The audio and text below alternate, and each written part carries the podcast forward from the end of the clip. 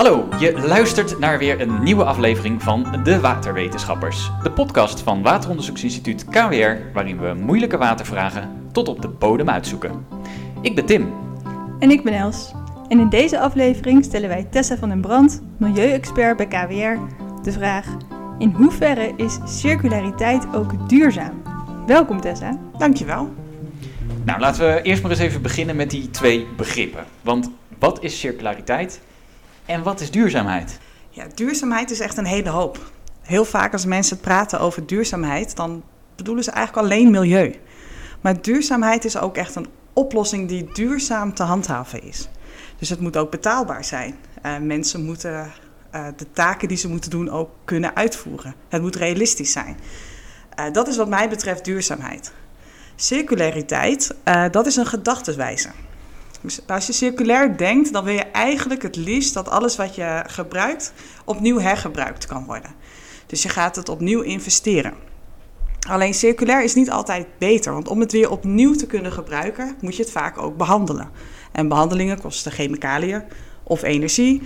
Dus circulair hoeft niet per se duurzaam te zijn. Het is wel een hele duurzame gedachte om spullen niet weg te gooien, om spullen her te gebruiken.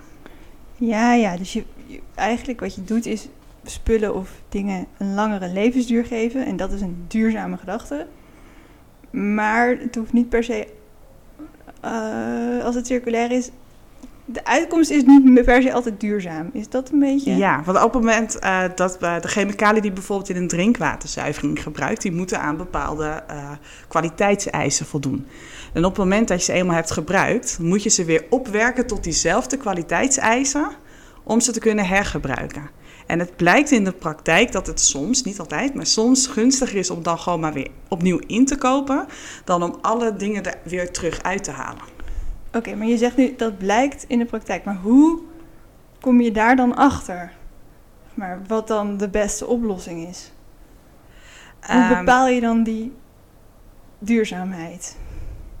Um, als we het puur hebben over de milieu-impact, want hier is ja, want dan maak je weer... het kleiner eigenlijk, ja. hè? Ja, want dan maak je de term wel duidelijk. Want als je over duurzaamheid, dan moet je het toch weer over alles hebben. Dus het milieu, de mens, de kosten.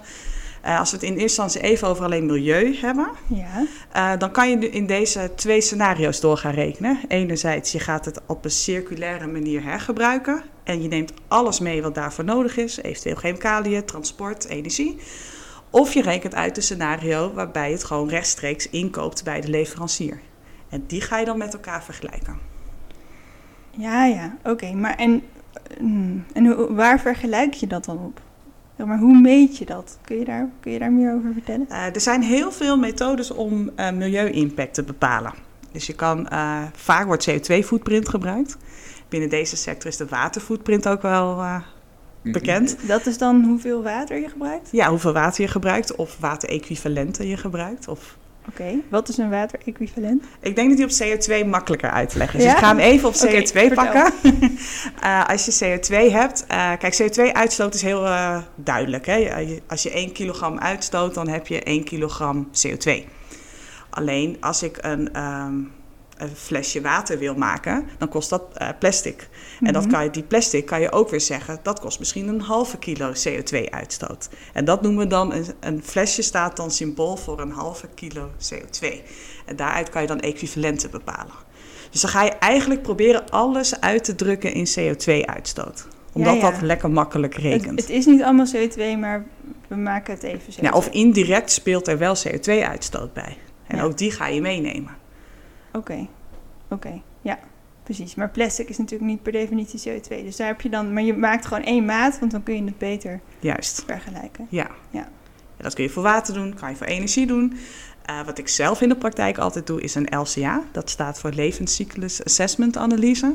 En daar ga je proberen nog meer zaken mee te nemen. Dus daarin neem je mee die CO2-uitstoot, de waterfootprint. Maar je kan bijvoorbeeld ook meenemen het effect op menselijke gezondheid, op biodiversiteit, op het feit dat je grondstoffen uitput. Mhm. Eh, en dat kun je dan allemaal in die schaal meenemen. Zo, Dat is behoorlijk wat, hè? ja, dat klinkt echt heel uitgebreid. Ja, Ja. Ja, je, je, je noemt diverse gegevens eigenlijk, die je er soort van instopt eigenlijk. En wat voor resultaat komt daar dan uit? krijg ik dan een, een score of zo? Van je haalt een 7 op de schaal van LCA of zo? Of hoe moet ik dat? Oei, dat is een hele goede vraag. nou, stel je hem ook. Ja. Ehm, je hebt heel veel soorten gegevens. Dan ga ik toch. Ga ik Mhm. eerst even iets anders beantwoorden? ja. Nee, het was nog niet de vraag die je gesteld hebt. Maar ehm, je hebt heel veel soorten gegevens. Je Ja. kan gebruik maken van bijvoorbeeld eh 1 kuub water. Mhm. In de praktijk weten wij dat als ik 1 kuub water gebruik, dat die ook gezuiverd is geweest. En in de praktijk weten we dat als die gezuiverd is geweest, dat ook chemicaliën heeft gekost. Dus we hebben een informatiebron of een, een eh, database waarin dit soort informatie staat. Als je 1 kuub water gebruikt, zit daar ook heel veel informatie achter. Hoef ik niet allemaal zelf te verzinnen. Dan heb je nog, wat is de milieu-impact? Dus op het moment dat je zegt, ik gebruik eh één eh, ijzer of één chloride, of nou ja, allerlei soorten ionen kan je gebruiken, die hebben allemaal een milieu-impact.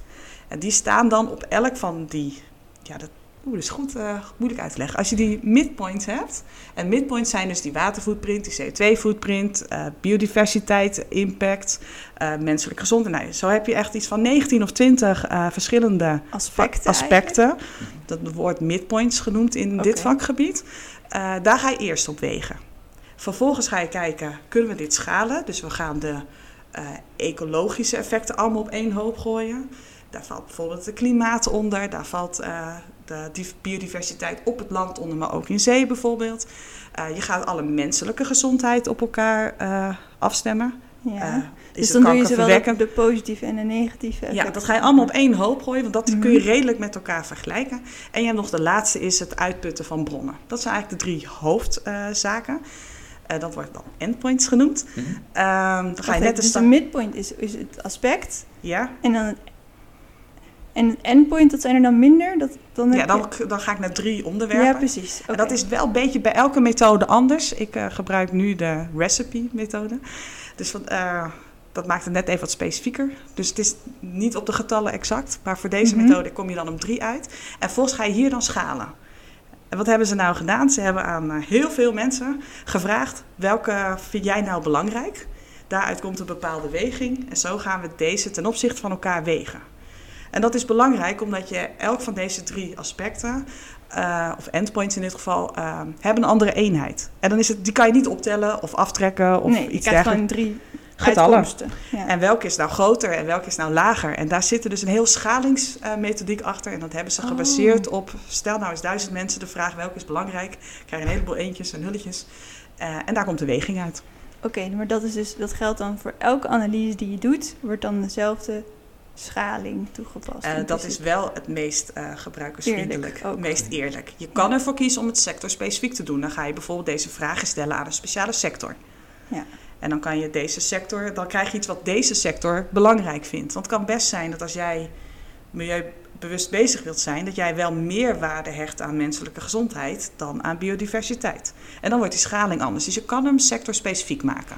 Ja, ja, maar dan moet je dat ook zeggen natuurlijk. En dan moet je daar ook echt onderzoek naar doen. Ja. ja. Oké. En eh, ja, dan is de volgende vraag eigenlijk. Dus ik heb nu zo'n analyse gedaan. En kan ik dan zeggen nu objectief van oké, dus A is beter dan B. Dus ik, waar we het ook al een keertje, dat komt heel vaak langs hè, met, met papieren bekertjes versus je eigen mok meenemen naar het koffiezetapparaat. Zelf heb ik altijd de neiging om te zeggen, jongens, stop nou met die papieren bekertjes. Zonde al dat afval. Maar kun je dan LCA nu zeggen, nou, vanaf nu kunnen we voor eens en voor altijd zeggen, dit is beter dan dat. Helaas niet, was het maar zo simpel. Ik zie eh, LCA als een tool om deze discussies te faciliteren.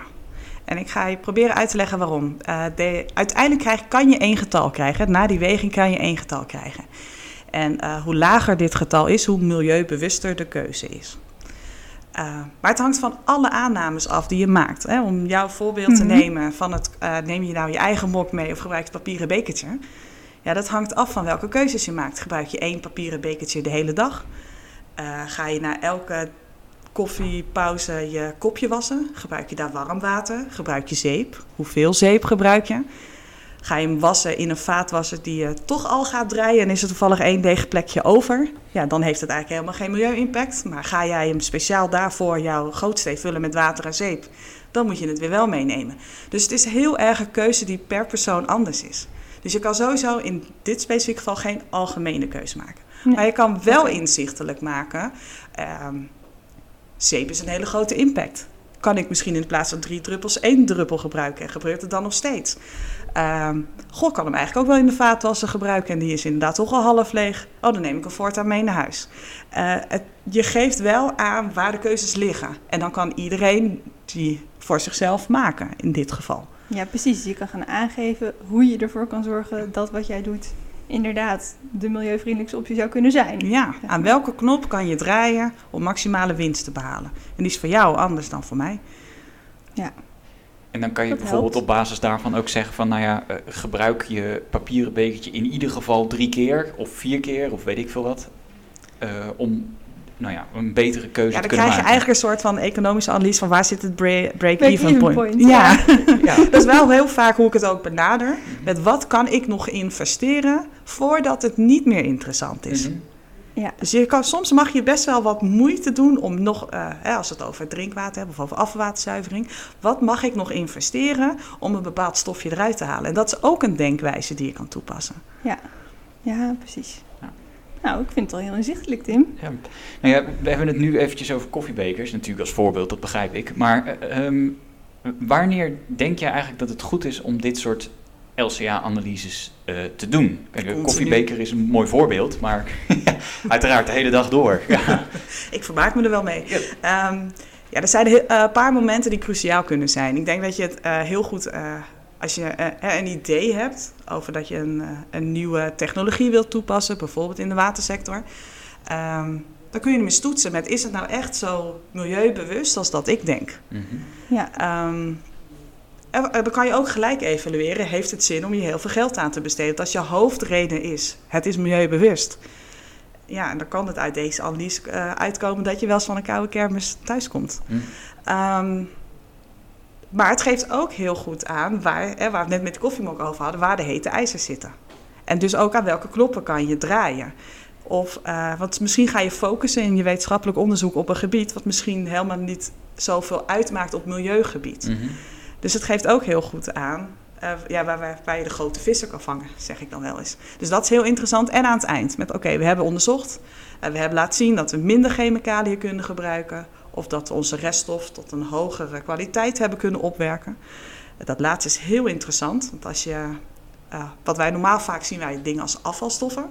Hè, we houden een restproduct over. Als je dat nou weer opnieuw inzet, maar je kan het hoogwaardig afzetten. Mm -hmm. En hoogwaardig houdt in ja, dat je het net even een stapje verder brengt, uh, dan kan je dus ook een, uh, andere stoffen voorkomen. Dus als je het bijvoorbeeld, kalk wordt volgens mij wel eens ingezet in tapijten, mm -hmm. nou ja, dan hoef je het ook niet meer in te kopen. Nee, dus precies. Ja. En dat vind ik dan, dat is dan wel een heel circulaire gedachte. Behalve dat het niet in de eigen sector is. Ja, oké. Okay. Dus het komt al heel dichtbij. En het is zeker beter dan niks. En alles wat je kan, moet je doen. Vooral niet laten liggen. Maar het is niet in de sector zelf. Nee, precies. Maar als je nog een hogere toepassing kan vinden, zelfs eigenlijk. Hè, ik moet dan denken, want ik werk veel met energie. Hè, je kan wel alles in een afvalverbrandingsinstallatie gooien, dan maak je energie. En daarvan zeggen we dan vaak dat vinden we een laagwaardige toepassing. Natuurlijk is het nog nuttig.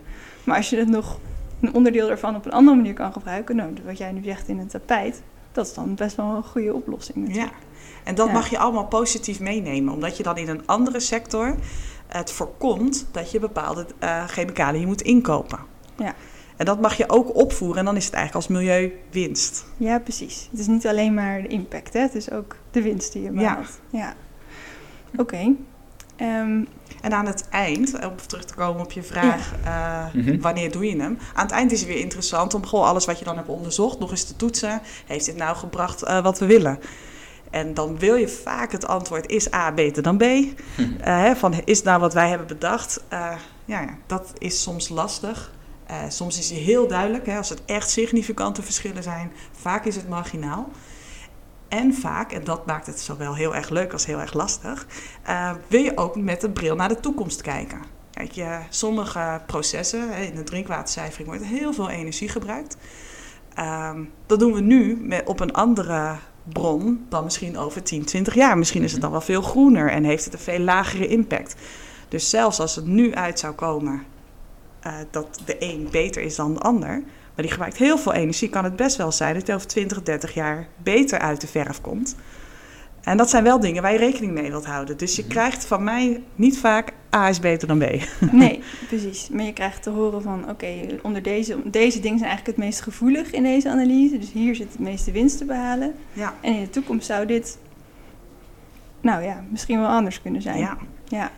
Het is wel misschien een leuk voorbeeld wat ik in de praktijk heb meegemaakt. Is dat een, eh, iemand aan ons vroeg: met, eh, Wij hebben een heel mooi systeem, kun je dat eens doorrekenen? Dat is allemaal hartstikke leuk, veel eh, milieubewuster. En eh, toen gingen wij rekenen en daar kwamen wij gewoon niet op uit. En dan ga je soms toch wel met lood in je schoenen dit presenteren. Maar ja, daar gaan ze niet blij mee zijn. Het is het resultaat, kan er niks aan doen. Hm. Maar ze worden er waarschijnlijk niet blij mee.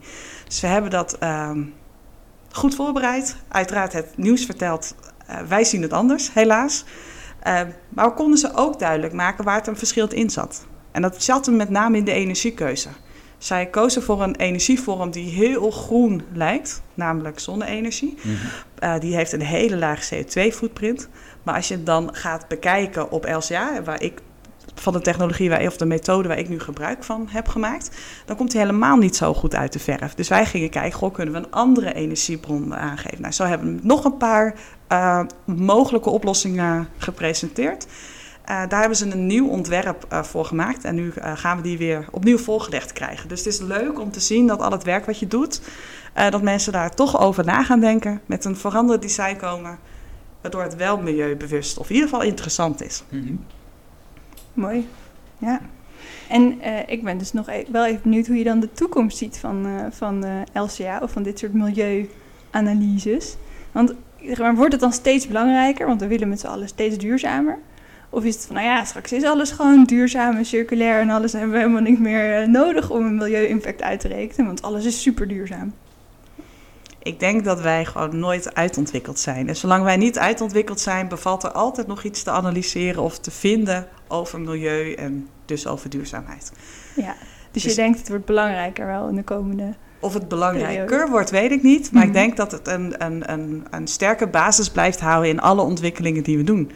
We zijn toch, denk ik, van nature geneigd om verder te willen en meer te willen en groter. En ja, daar hangt een milieukostenplaatje aan. En die wil je toch regelmatig onder de aandacht eh, gebracht hebben.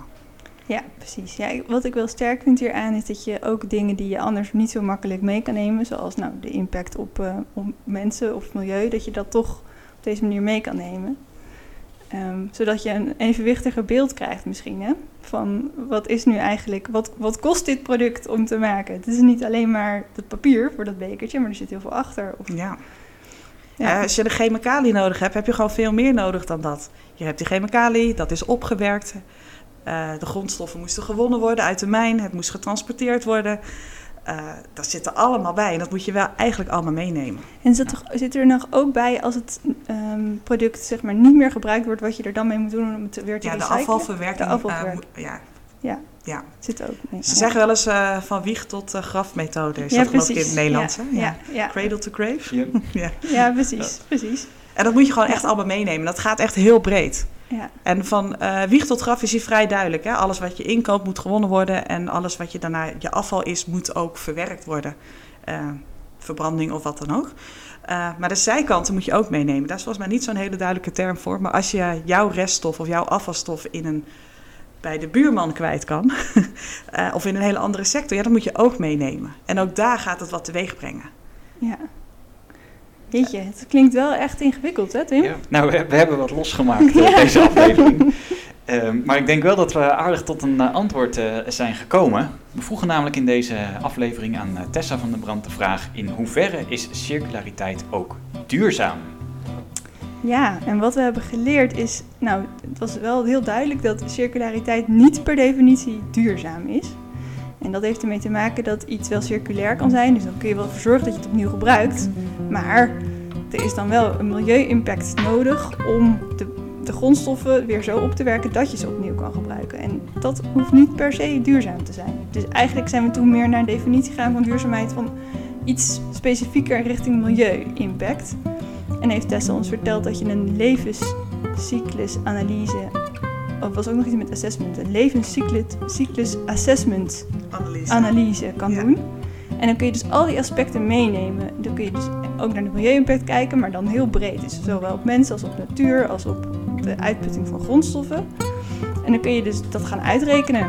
En, maar dan krijgen we alsnog niet een definitief antwoord. Dat hebben we ook geleerd. Dus dan hoop je, nou krijgen we eindelijk het beslissende antwoord wat je moet doen met je koffiebeker. Maar nee, maar dan krijgen we wel inzicht in waar het hem nou in zit. En wat je nou kan doen om ervoor te zorgen dat het dan wel de duurzaamste oplossing zou kunnen zijn. En dat kan dus ook weer veranderen, heeft Tessa ons verteld. Dus in de toekomst, als je andere energiebronnen hebt bijvoorbeeld, dan kan de optie die je hebt uitgerekend er weer anders uit gaan zien. Dus het is belangrijk om dit soort analyses te blijven doen. En vooral aan het begin en aan het eind van het onderzoek. Dat hebben we denk ik wel, uh, ja, dat is wel een aardige samenvatting. Dankjewel Tessa. Graag gedaan. Dankjewel voor het uh, luisteren naar de Waterwetenschappers. Ga naar kwrwater.nl slash podcast om je te abonneren via jouw favoriete podcast app. En uh, heb je zelf ook een moeilijke watervraag? Stuur hem dan in via info.kwrwater.nl Volgende keer zijn we er weer met een moeilijke vraag en een slimme waterwetenschapper. Tot dan! Tot dan!